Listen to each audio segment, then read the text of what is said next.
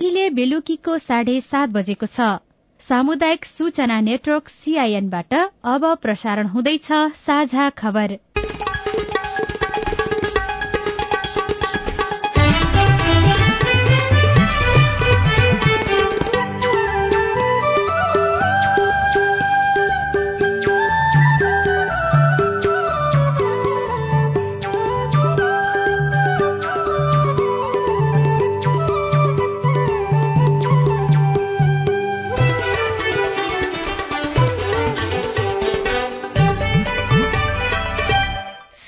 सीआईएनको साझा खबरबाट स्नेहा कर्णको नमस्कार। साझा खबर देशभरिका सामुदायिक radio CIN Khabar dot com र मोबाइल एप सीआईएनमा पनि सुन्न सकिन्छ।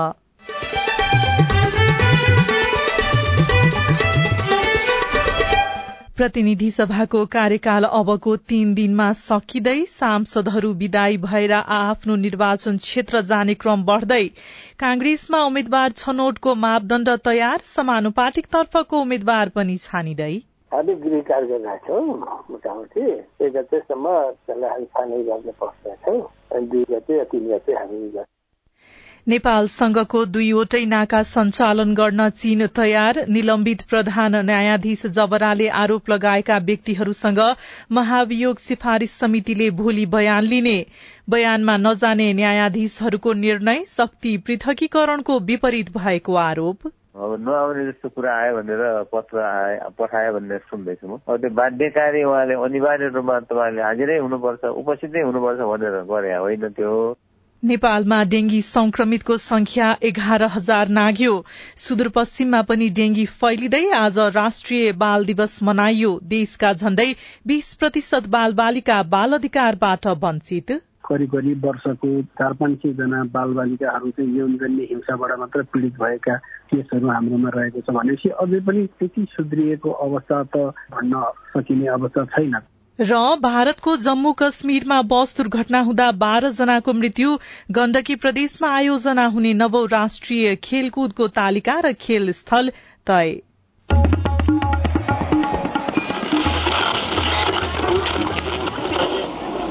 रेडियो। हजारौं रेडियो कर्मी र करोड़ौं नेपालीको माझमा यो हो सामुदायिक सूचना नेटवर्क सीआईएन आगामी मंगिरमा हुने प्रतिनिधि सभा निर्वाचनका लागि एक सय पैंसठी निर्वाचन क्षेत्रबाट कांग्रेस एमाले माओवादी केन्द्र जस्ता ठूला दलबाट जम्मा छ जना महिला मात्रै एकल उम्मेद्वारको रूपमा सिफारिश भएका छन्। संयुक्त रूपमा सिफारिशमा पर्ने महिलाको संख्या पनि न्यून रहेको छ। योग्यता र क्षमतामा पुरूष भन्दा कुनै पनि कुराले कमजोर नभए पनि प्रत्यक्ष तर्फको टिकट दिनको लागि दलहरूले कन्जुसिया गरिरहेका छन्। समानुपातिक तर्फबाट मात्रै होइन दलहरूले महिलाहरूलाई प्रत्यक्ष तर्फ पनि टिकट दिनुपर्छ। अब खबर अविनाश आचार्यबाट। चीन नेपालसँगको दुईवटै नाका सञ्चालन गर्न तयार भएको छ। नेपाल भ्रमणमा रहनुभएका चीनिया जनकांग्रेसका अध्यक्ष ली चान्सुले आज राष्ट्रपति विद्यादेवी भण्डारीसँगको भेटमा सिन्धुपाल्चोकको तातोपानी र रसुवागढ़ीको रसुवागढ़ी नाका तत्कालैदेखि सञ्चालन हुने जानकारी गराउनु भएको हो। नेता लीले राष्ट्रपति भण्डारीसँग भेट अघि व्यापारिक क्षेत्र हेर्ने चिनिया अधिकारीसँग कुरा गरेर तत्कालै नाका खोल्ने बताउनु भएको राष्ट्रपति कार्यालयले जनाएको छ। नेपाल र चीन बीचका दुईवटै व्यापार नाका सञ्चालन नहुँदा नेपाली व्यापारीहरूले समस्या भोगिरहेका छन्। उनीहरूले यी नाका सञ्चालनको पहल गर्न नेपाल सरकारलाई पटक पटक आग्रह गरेका थिए। नेपाल भ्रमणमा रहनुभएका चान्सोले आज दिनभरि नै भेटघाटलाई जारी राख्नुभयो। विवादका बीच पनि प्रतिनिधि सभाको कार्यकाल असोज एक गते सकिँदैछ।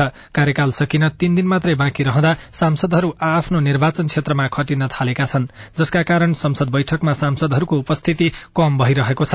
यसै सन्दर्भमा संसद बैठकबाट विदा मागेर नै बैठकमा नआउने घोषणा गर्ने क्रम पनि बढ़िरहेको छ। प्रतिनिधि सभाको कार्यकाल लम्ब्याउन खोजेको भन्दै राष्ट्रिय प्रजातन्त्र पार्टीका अध्यक्ष राजेन्द्र लिङदेनले भदौ उन्नाइसमा नै संसद पदबाट राजीनामा दिएको बताउनु भएको थियो। आज बसेको बैठक बैठकमा कांग्रेस सांसद रंगमती शाही जसपाका सांसद रेणुका गुरूङ कांग्रेसका भरत कुमार शाह लगायतले सभामुख उपसभामुख सांसद सबैलाई धन्यवाद दिँदै आगामी दिनमा पनि जितेर आउन शुभकामना दिनुभएको थियो।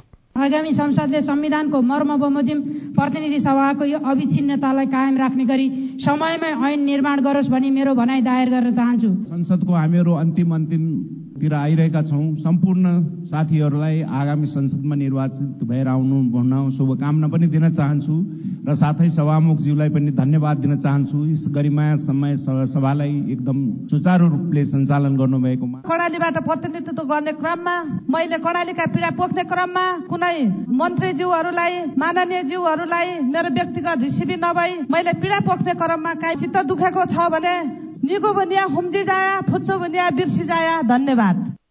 निर्वाचन आयोगले चार मंगिरमा हुने प्रतिनिधि सभा र प्रदेशसभा निर्वाचनको समानुपातिक तर्फको उम्मेद्वारको बन्द सूची बुझाएसँगै मौजूदा संसदको कार्यकाल सकिने भन्दै पत्राचार गरिसकेको छ। नेपाली कांग्रेसले प्रतिनिधि सभा र प्रदेश सभामा उम्मेद्वार बन्नेहरूका लागि पाँचवटा मापदण्ड तय गरेको छ। शीर्ष नेताहरूको छलफलले प्रत्यक्ष र समानुपातिक उम्मेद्वार मापदण्ड तय गरेको हो। समानुपातिकमा अघिल्लो पटक परेकालाई यसपटक नबनाउने आन्दोलनमा सहभागी भएका पार्टीमा लामो समयदेखि दुःख गरेकालाई प्राथमिकता दिने तथा योग्यता भएको जनतामा प्रभाव पार्नेलाई छनौट पार्ने मापदण्ड बनाएको नेता रामचन्द्र पौडेलले जानकारी दिनुभयो। कांग्रेसले समानुपातिक तर्फको उम्मेद्वार पनि एक गते भित्रमा टुंग्याइ सक्ने बताएको छ। सीआईएनसँग कुराकानी गर्दै कांग्रेस सह महामन्त्री फर्मुल्लाह मन्सुरले समानुपातिक तर्फको उम्मेद्वार छनौटको अन्तिम प्रक्रिया चलिरहेको बताउनुभयो। प्रतिनिधि सभाको र प्रदेश सभाको जति संख्या हो त्यो सम्पूर्ण संख्यामा हाम्रो काम भइरहेछ। अहिलेसम्म कहाँ कहाँको चाहिँ टुङ्गो लागिसक्यो होला? हामी गृह कार्य गरिरहेछौँ मोटामोटी। एक गतेसम्म त्यसलाई हामी फाइनल गर्न पस्दैछौँ अनि दुई गते तिन गते हामी गर्छौँ। अनि मात्रै फाइनल बनिन्छ कहाँ टुङ्गे के टुङ्गे भयो त्यसपछि कुरा हो। अहिले हामी सम्भावित उम्मेद्वारहरूको सिफारिसबाट आएको छ त्यसलाई हेरेर अनि कहाँ कसरी गर्दाखेरि राम्रो हुन्छ पार्टीलाई त्यो कुरा गर्छौँ आयोगमा समानुपातिक तर्फको बन्द सूची बुझाउने समय तीन दिन मात्रै बाँकी रहँदा अन्य दलले पनि उम्मेद्वार छनौटको काम गरिरहेका छन्। सीआईएनसँग कुराकानी गर्दै एमाले संसदीय दलका उपनेता सुभाष चन्द्र नेमाङले जिल्ला तहबाट सिफारिश भएका उम्मेद्वारहरूको नामावली आउने क्रम जारी रहेको बताउनुभयो। दुई दिनभित्रमा बन्द सूची टुंग्याउने उहाँको भनाइ छ। यस्तै माओवादी केन्द्रले पनि समानुपातिक तर्फको उम्मेद्वारको सूची अन्तिम गर्ने काम जारी राखेको छ। एकीकृत समाजवादी पार्टीका नेता रामकुमारी झाँक्रीका अनुसार पार्टीले समानुपातिक तर्फका उम्मेद्वार उम्मेद्वारको बन्द सूची अन्तिम गर्ने काम अहिले गरिरहेको छ। अहिले जिल्लाबाट सिफारिसहरू आइने क्रम जारी छ। जिल्लाबाट प्रदेशमा प्रदेशबाट केन्द्रीय कमिटिमा लिस्टहरू हेरेर अनि त्यो कानूनले तोकेका क्लस्टरहरू मिलाएर पार्टीको पनि आफ्नो ग्राउन्डको प्राथमिकता हुन्छ। अनि त्यो प्राथमिकतालाई हेरेर क्लस्टर वाइज बनाएर पठाउने प्रक्रियाभित्रै छ। त्यहाँबाट आएका नामहरूलाई पनि अलिकति हल्का फिल्टर गरेर पठाउने अधिकार पनि प्रदेशलाई छ। र केही थपेर पठाउने अधिकार पनि प्रदेशलाई भयो भएर केही सूचीहरू जिल्लाबाट पठाएको सूची हेरफेर चाहिँ प्रदेशले एकमुष्ट पठाउँछ। त्यसपछि त्यो प्रदेश सातवटा प्रदेशबाट आएको आधारमा केन्द्रीय कमिटीले गर्छ। पूर्व न्यायाधीश फोरमले संसदको कार्यकाल सकिँदैमा निलम्बित प्रधान न्यायाधीश चोलेन्द्र शमशेर जबरा विरूद्ध दर्ता भएको महाअभियोग निष्क्रिय नहुने बताएको छ। चुनावपछि आउने नयाँ प्रतिनिधि सभाले पनि यो महाअभियोगलाई स्वीकार गरेर जबरा दोषी भएको वा निर्दोष भएको भन्ने टुंगो गर्नुपर्ने फोरमले बताएको छ।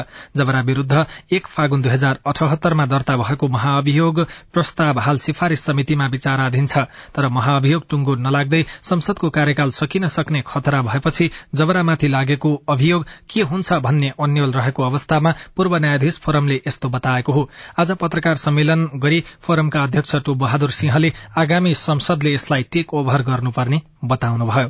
संविधानको धारा एक सय एकको उपधारा आठको संवैधानिक व्यवस्था र भावना बमोजिम कसुरको परिणाम र दायित्व जीवित रहने भएकाले चोको छानबिन समय नपुग भएमा प्रतिवेदन पेश गर्नु उचित नभएकाले संवैधानिक पद्धति र परम्परा अनुसार आगामी संसदले समेत चोकको स्वामित्व ग्रहण गरी आफ्नो छानबिन अन्तिम निष्कर्षमा पुर्याउनु पर्ने यस फोरमको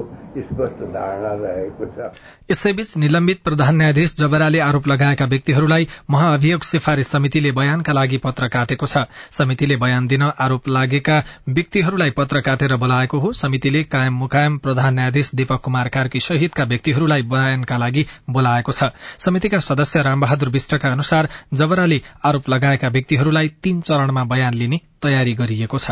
भोलि अब आठ बजी हामीले मिटिङ राखेको होइन? निलम्बित प्रधान न्यायाधीशले जसको जसको नाम लिनुभयो आफ्नो बयान दिने कर्ममा। अनि ती नाम जसका दिएका थिए ती मान्छे भन्नाले अब कायम मुकायम प्रधान न्यायाधीश पनि पर्नुभयो अरू न्यायाधीशको नाम पनि लिनुभयो। त्यस कारण उहाँहरूलाई पनि बोलाउँदा ठिक छ नि भनेर समितिले नै एउटा निर्णय गरेर बोलाउने कुरा गरेको हो।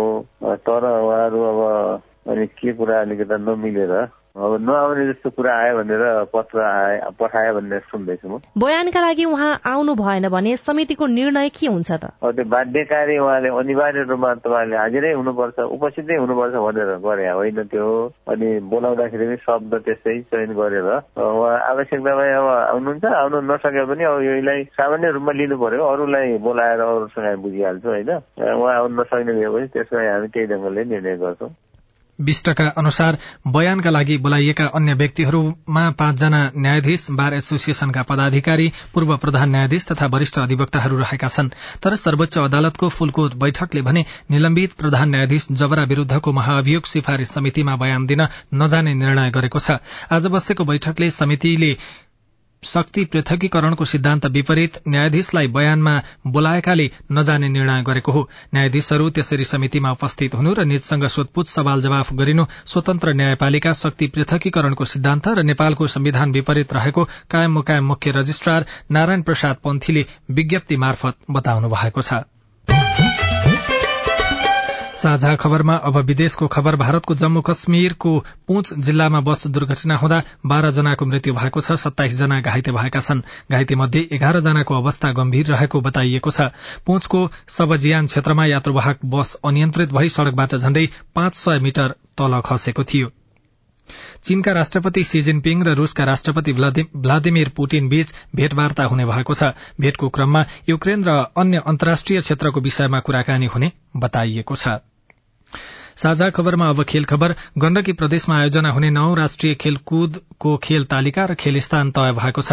राष्ट्रिय खेलकुद परिषद राखेपको आज बसेको एक सय चौधौं बोर्ड बैठकले खेल तालिका र खेल स्थल तय गरेको हो। असोज अठाइसदेखि कार्तिक तीन गतेसम्म आयोजना हुने नौ राष्ट्रिय खेलकुद गण्डकीको बागलुङ स्याङ्जा कास्की म्याग्दी पर्वत र नवलपुरका विभिन्न खेल मैदानमा खेल हुनेछ। र नौ राष्ट्रिय खेलकुदको पुरूष क्रिकेट प्रतियोगितामा विभागीय टोली त्रिभुवन आर्मीले लगातार दोस्रो जीत निकालेको छ।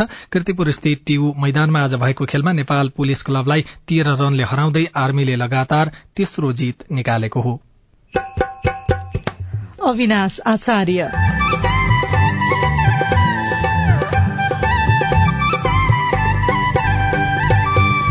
सुदूरपश्चिम प्रदेशमा डेंगीको संक्रमण फैलदै यो कति बेला सर्ने हो कसरी सर्ने हो यसले कति प्रभाव पार्ने हो बालबच्चाहरू स्कुल पनि जान्छन् भिडभाडहरूमा पनि हुन्छन् र कति बेला कहाँबाट कसरी सर्ने हो? तीन वर्ष अघिको तुलनामा तेब्बर सबैभन्दा बढ़ी संक्रमित कैलालीमा रिपोर्ट। अझै पनि समाजमा जातीय विभेद उस्तै कानून पालना नभएकोमा चिन्ता लगायत सामग्री बाँकी नै छ। सीआईएनको साझा खबर सुन्दै गर्नुहोला। डेंगी ज्वरो बारे जानकारी। डेंगी ज्वरो लामखुट्टेको टोकाईबाट सर्ने एक किसिमको सरुवा रोग हो। वर्षातको मौसम शुरू भएपछि डेंगी ज्वरोको प्रकोप बढ्न थाल्दछ।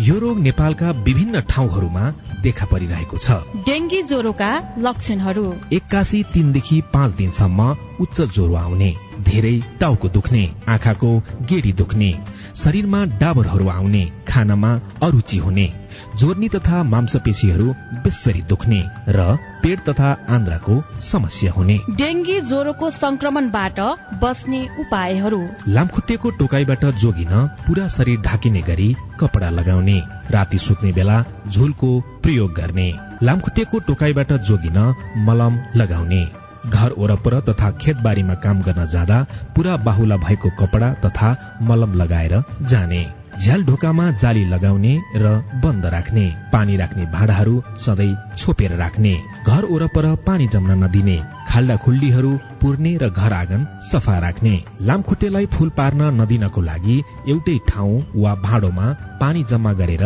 नराख्ने पुराना टायर पानी जम्न सक्ने भाँडाकुँडा बट्टा खाल्टो खनेर पुर्ने वा नष्ट गर्ने। साथसाथै गमला वा फूलदानी एयर कुलर जस्ता पानी जम्ने सामग्रीको पानी हप्तामा एक पटक नियमित रूपमा सुक्खा हुने गरी सफा गर्ने। डेंगी ज्वरोका लक्षणहरू देखिएमा तुरन्त नजिकको स्वास्थ्य संस्था वा स्वास्थ्य कर्मीबाट परामर्श लिनुहोस्। नेपाल सरकार स्वास्थ्य तथा जनसंख्या मन्त्रालय राष्ट्रिय स्वास्थ्य शिक्षा सूचना तथा संचार केन्द्र र सेभ द चिल्ड्रेनको सहकार्यमा जनहितमा जारी सन्देश। सामाजिक रूपान्तरणका लागि यो हो सामुदायिक सूचना नेटवर्क सीआईएन तपाई सामुदायिक सूचना नेटवर्क सीआईएनले तयार पारेको साझा खबर सुन्दै हुनुहुन्छ। गत वैशाखदेखि हालसम्म एक हजार छ सय भन्दा बढ़ी विपदका घटना भएको राष्ट्रिय विपद जोखिम न्यूनीकरण तथा व्यवस्थापन प्राधिकरणले जनाएको छ। प्राधिकरणका अनुसार सबैभन्दा बढ़ी आगलागीका आठ सय सत्रवटा दुई सय सत्रवटा घटना पहिरोको एक सय उनान्सयवटा चट्याङका घटना एक सय छब्बीसवटा घटना जनावर लगायतका आक्रमण सहित भएका छन् जसमा एक हजार छ सय पचहत्तरवटा विपदका घटना भएका हुन्। यी घटनामा परि एक सय त्रियासी जनाको मृत्यु भएको छ भने चार सय बहत्तर जना घाइते भएका छन्। दुई हजार एक सय छयालिस परिवार प्रभावित भएका छन्। विपदले चौरानब्बे करोड़ भन्दा बढ़ीको क्षति भएको पनि प्राधिकरणले जनाएको छ। विपद विज्ञका अनुसार अव्यवस्थित संरचना निर्माण नदीको बहाव क्षेत्रमा हुने अतिक्रमण र ढल निकासको अभावका कारण बाढ़ी र डुबानको प्रकोप बढ़दै गएको छ। खास गरी बाढ़ी र डुबानबाट नेपालको तराई क्षेत्र र भित्री मधेसमा रहेका तेइस जिल्ला उच्च जोखिममा रहेका छन्। बाढ़ी पहिरो डुबान जस्ता विपदबाट नागरिकलाई बचाउन स्थानीय सरकारले कसरी काम गर्न सक्छन्? सीआईएनसँग कुराकानी गर्दै विपद विज्ञ डाक्टर मेघराज धितालले भन्नुभयो। कहाँ कहाँ चाहिने कुन कुन ठाउँमा विपद आउन सक्छ कस्तो खालको आउन सक्छ? त्यो भइसकेपछि मात्रै विपदलाई अनि वर्गीकरण गर्न सक्छन्। हामीसँग त्यसको ज्ञान हुनु पर्यो त्यसको विशेषज्ञता हुनु पर्यो न त त्यसो मान्छे ल्याउनु पर्यो स्थानीय तहले।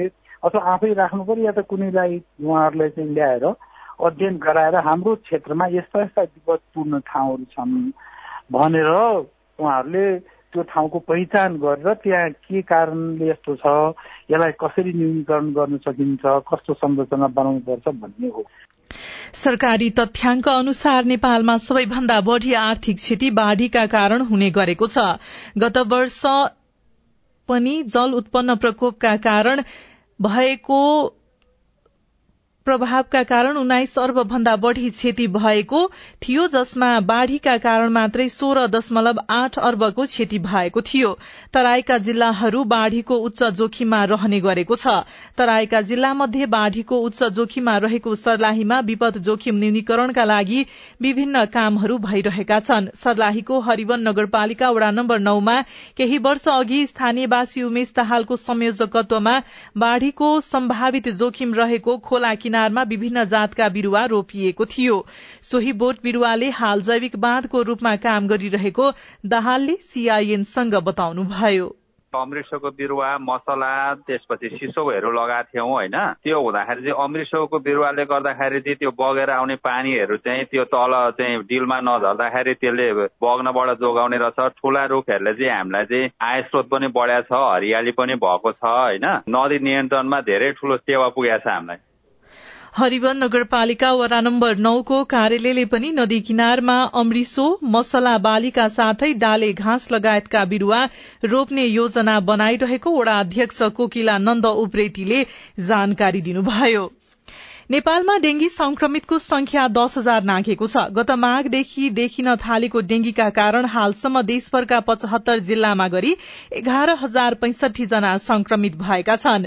स्वास्थ्य तथा जनसंख्या मन्त्रालयका अनुसार बागमती प्रदेशमा सबैभन्दा धेरै आठ हजार तीन सय नब्बे जनामा डेंगी संक्रमण देखिएको छ भने सबैभन्दा कम कर्णाली प्रदेशमा एक सय बैसठी जनामा डेंगीका संक्रमित फेला परेका छनृ। हरेक दुईदेखि तीन वर्षको अन्तरालमा डेंगीको प्रकोप देखिने क्रम बढ़दै गएको छ। यसैबीच सुदूरपश्चिममा पनि डेंगीको संक्रमण गत वर्ष भन्दा झण्डै तेब्बरले वृद्धि भएको छ। कैलाली कञ्चनपुर सहित सुदूरपश्चिमका पहाड़ी जिल्लामा बिरामी बढ़दै गएपछि नागरिक चिन्तित बनेका छन्। संक्रमण बढ़दै गर्दा कतिपयले बस्ने उपाय अपनाइरहेका छन् भने कतिपय यसमा अनभिज्ञ देखिएका छनृ। सुदूरपश्चिमका नौवटै जिल्लामा अहिले डेंगीका बिरामी भेटिएका छन्। केही यसबारेमा सचेत देखिएका छन्। कोही भने अलमलमा परेका छन्। डडेलधुराका लोकेन्द्र पनेरू। पछिल्लो समयमा यो डेंगू संक्रमणको विषयलाई लिएर हामी सबै चिन्तामा छौं। भर्खरै मात्र यो कोरोनाको ठूलो त्रास केही मात्रामा कम भए पनि यो कति बेला सर्ने हो कसरी सर्ने हो यसले कति प्रभाव पार्ने हो बालबच्चाहरू स्कुल पनि जान्छन् भिडभाडहरूमा पनि हुन्छन् र कति बेला कहाँबाट कसरी सर्ने हो? जलवायु परिवर्तनको असरले डेंगी सार्ने लामखुट्टे पहाड़ तथा चिसो भेगमा समेत बाँच्न सक्ने रूपमा विकसित भएका छन्। जसका कारण संक्रमण सुदूरपश्चिम प्रदेशमा नै फैलिन थालेको छ। संक्रमणपछि उपचारका लागि अस्पताल जानेहरू कम मात्रै छन्। जिल्ला अस्पताल बोझाङका डाक्टर नवराज जोशी। डेङ्गुको केसहरू बढिरहेछ अहिले। यो टाइमै हो भनौँ न डेङ्गु लागेको मान्छेलाई लामखुट्टेले टोक्यो र लामखुट्टेबाट सर्ने हो। त्यही भएर हामीले लामखुट्टेलाई सुरुमा बन्नै दिनु भएन लुगाहरू लाउनु पर्यो घरमा बच्चा टुपहरू लाउनु पर्यो। डेंगी लागेपछि ज्वरो आउने हाड जोर्नीहरू दुख्ने रगतको मात्रा कम हुने टाउको दुख्ने वाकवाकी लाग्ने जस्ता समस्या देखा पर्ने गरेका छन्। स्वास्थ्य कार्यालय डडेलधुराका प्रमुख आशुतोष श्रेष्ठ। डेंगु रोग लामखुट्टेको टोकाइबाट सर्दछ। यो अरू ज्वरो जस्तै हुन्छ। पाँचदेखि सात दिनसम्म एक हप्ता दिनसम्म ज्वरो आउने गर्छ। खास गरेर लामखुट्टेले बिहान र बेलुका पख टोक्ने गर्छ। यस्तो बेलामा शरीरका मांसपेशीहरू हात खुट्टाहरू दुख्ने वाकवाकी लाग्ने बान्ता आउने टाउको दुख्ने आँखाको गेडे दुखे जस्तो हुने लक्षणहरू देखिन्छन्। यसबाट बस्नको लागि बिहान बेलुका व्यक्तिगत रूपमा बाहिर निक्लिँदाखेरि पुरै शरीर ढाकिने लुगाहरू प्रयोग गर्ने मच्छरदानीको प्रयोग गरेर मात्रै चुलमा मात्रै सुत्ने यस्तै गरेर घर बाहिर निस्किनु पर्दा घरका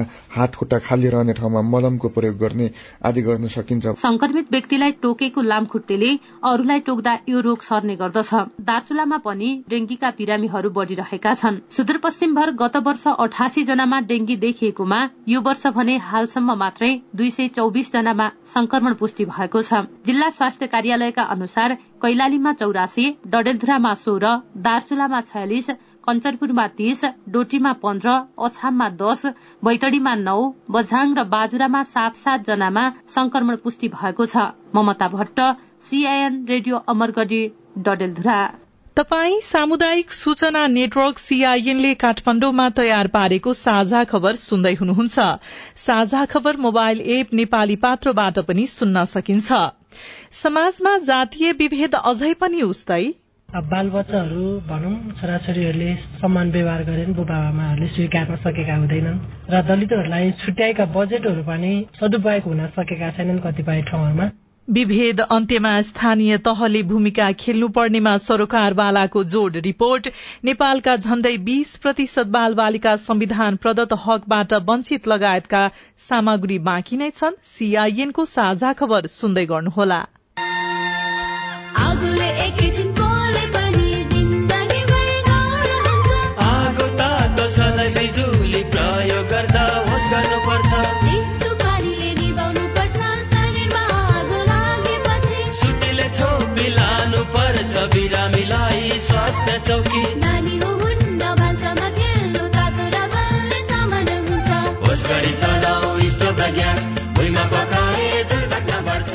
अग्निजन्य दुर्घटना भएमा शून्य एक पचपन्न पचपन्न छ आठ नौमा सम्पर्क गर्नुहोस्। बीबीएस नेपाल ललितपुर।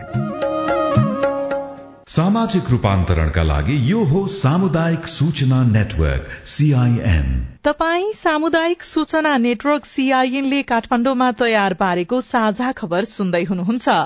नेपालको संविधानले समुदायका नागरिकलाई राज्यका सबै निकायमा समानुपातिक समावेशी सिद्धान्तको आधारमा सहभागिता हुने हकको व्यवस्था गरेको छ। तर राज्यका हरेक निकायमा समानुपातिक तवरले दलित समुदायको प्रतिनिधित्व त भएको छैन नै विभेद पनि उल्लेख्य तवरले कम हुन सकेको छैन। दलित समुदायले अझै पनि पानी छोएको मन्दिर प्रवेश गरेको कथित गैर दलितको घरमा पसेको अन्तर्जातीय विवाह गरेको जस्ता विषयमा विभेद सहँदै आएको छ।